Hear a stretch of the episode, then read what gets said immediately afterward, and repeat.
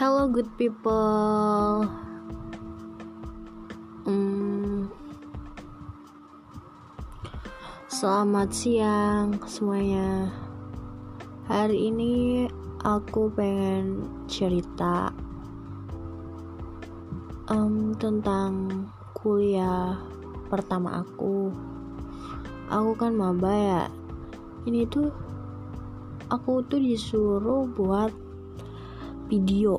Nah sedangkan aku tuh anti-anti video gitu. Aku tuh jengkel banget pas itu.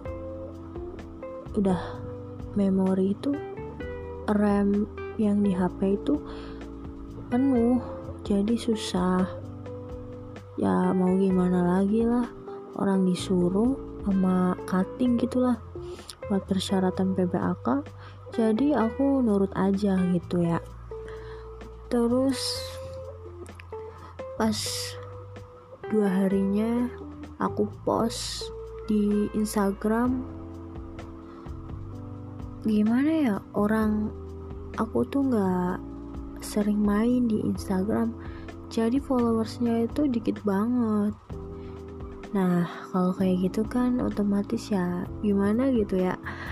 Terus tugas aku yang interesting teacher itu aku tuh nggak ngerti banget tuh gimana gitu yang edit ngeditnya gitu. Tapi ya aku mah ngikut aja sama grup aku gitu. Ngikut buatin aja kisah aku kirim kirimin gitu